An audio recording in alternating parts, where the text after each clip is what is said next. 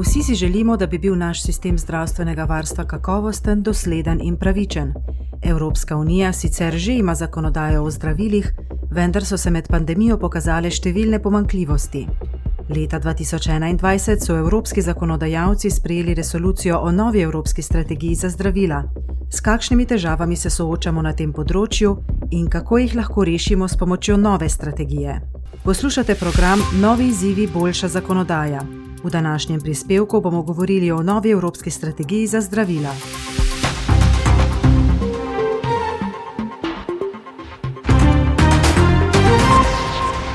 Vsakdo bi moral imeti hiter dostop do kakovostne, cenovno dostopne, preventivne in kurativne zdravstvene oskrbe. A poslanci so leta 2021 v resoluciji o novi evropski strategiji za zdravila upozorili, da žal to ni vedno tako.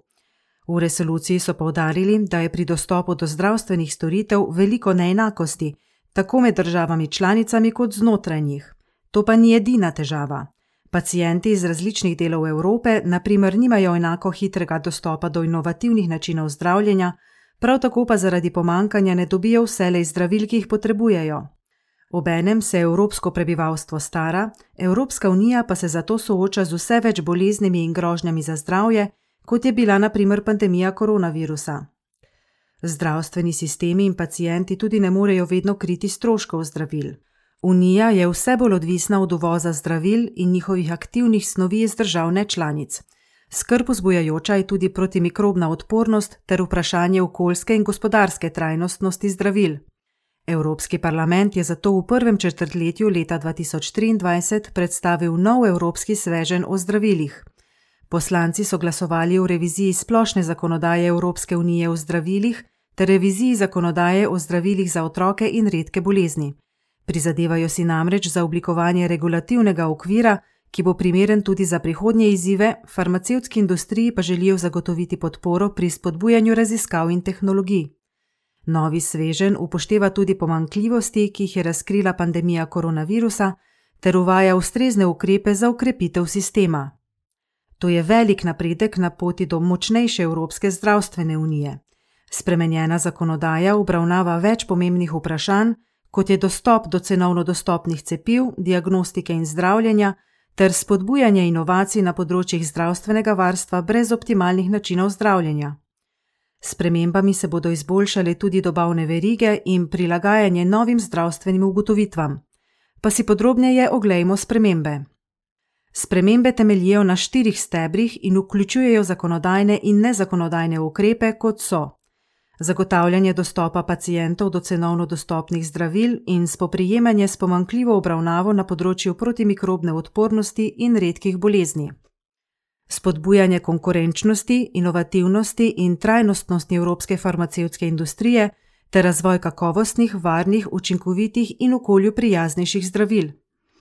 Izboljšanje mehanizma za pripravljenost in odzivanje na krize ter naložbe v raznolike in varne dobavne verige kar bo prispevalo k reševanju težav zaradi pomankanja zdravil. Spodbujanje visokih standardov kakovosti, učinkovitosti in varnosti, kar bo prispevalo k pomembnejši vlogi Evropske unije v svetu. Odbor Evropskega parlamenta za prihodnost znanosti in tehnologije je objavil dve poročili o trenutnem modelu raziskav in razvoja na področju zdravja. Poročili so pripravili na Katoliški univerzi v Lövnu v Belgiji in Univerzi v Milanu. Zakonodajalci se bodo tako lahko seznanili z večplastnostjo tega vprašanja, razvili pa bodo lahko tudi boljše in bolj ciljno usmerjene zakonodajne ukrepe. Pa poslušajmo, katere so bile nekatere od ključnih ugotovitev. Eden od glavnih predlogov je oblikovanje javne evropske biomedicinske infrastrukture, s katero bi odpravili pomankljivosti trga in poskrbeli za ustrezno donosnost naložb. Infrastruktura bo urejala tudi določanje cen zdravil, in vprašanja v zvezi s pravicami intelektualne lastnine. Raziskovalci so predlog oblikovali na podlagi analize več kot 250 poročil, posvetovali pa so se tudi s približno 50 strokovnjaki iz farmacevtske industrije, akademskega sveta ter vladnih in nedvladnih organizacij iz vse Evropske unije. Infrastruktura bo omogočila tudi oblikovanje seznama novih zdravil in povezanih biomedicinskih tehnologij od začetka raziskav do končnega izdelka. Letni proračun biomedicinske infrastrukture bo okrog 7 milijard evrov, zato bo lahko v obdobju 20 let izvedenih od 80 do 150 inovativnih projektov. Raziskave, ki se financirajo iz javnih sredstev, bi tako na področju evropskega zdravstvenega varstva spet dobile pomembno vlogo. Pričakovati je, da bodo na podlagi infrastrukture pripravljeni različni ukrepi, ki bodo temeljili na njenem obsegu in zmogljivosti za raziskave in razvoj.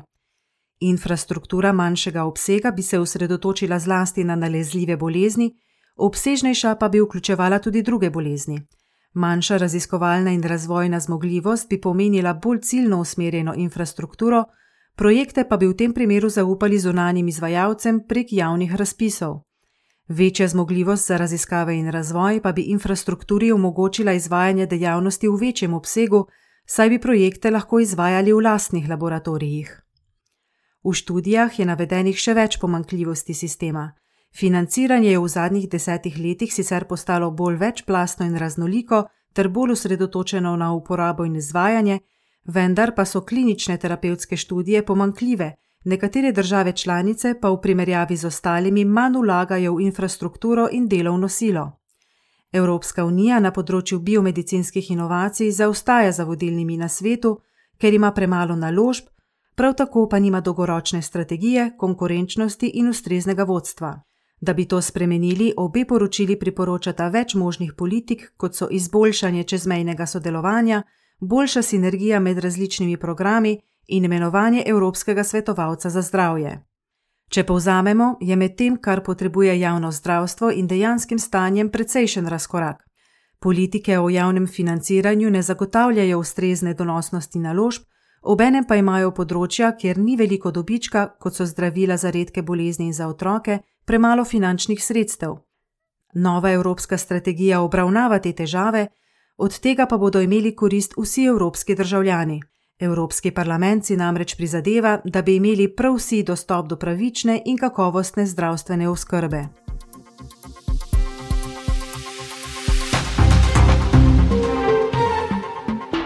To je bil prispevek Evropskega parlamenta. Več informacij je na voljo na našem spletnem mestu Think Tank.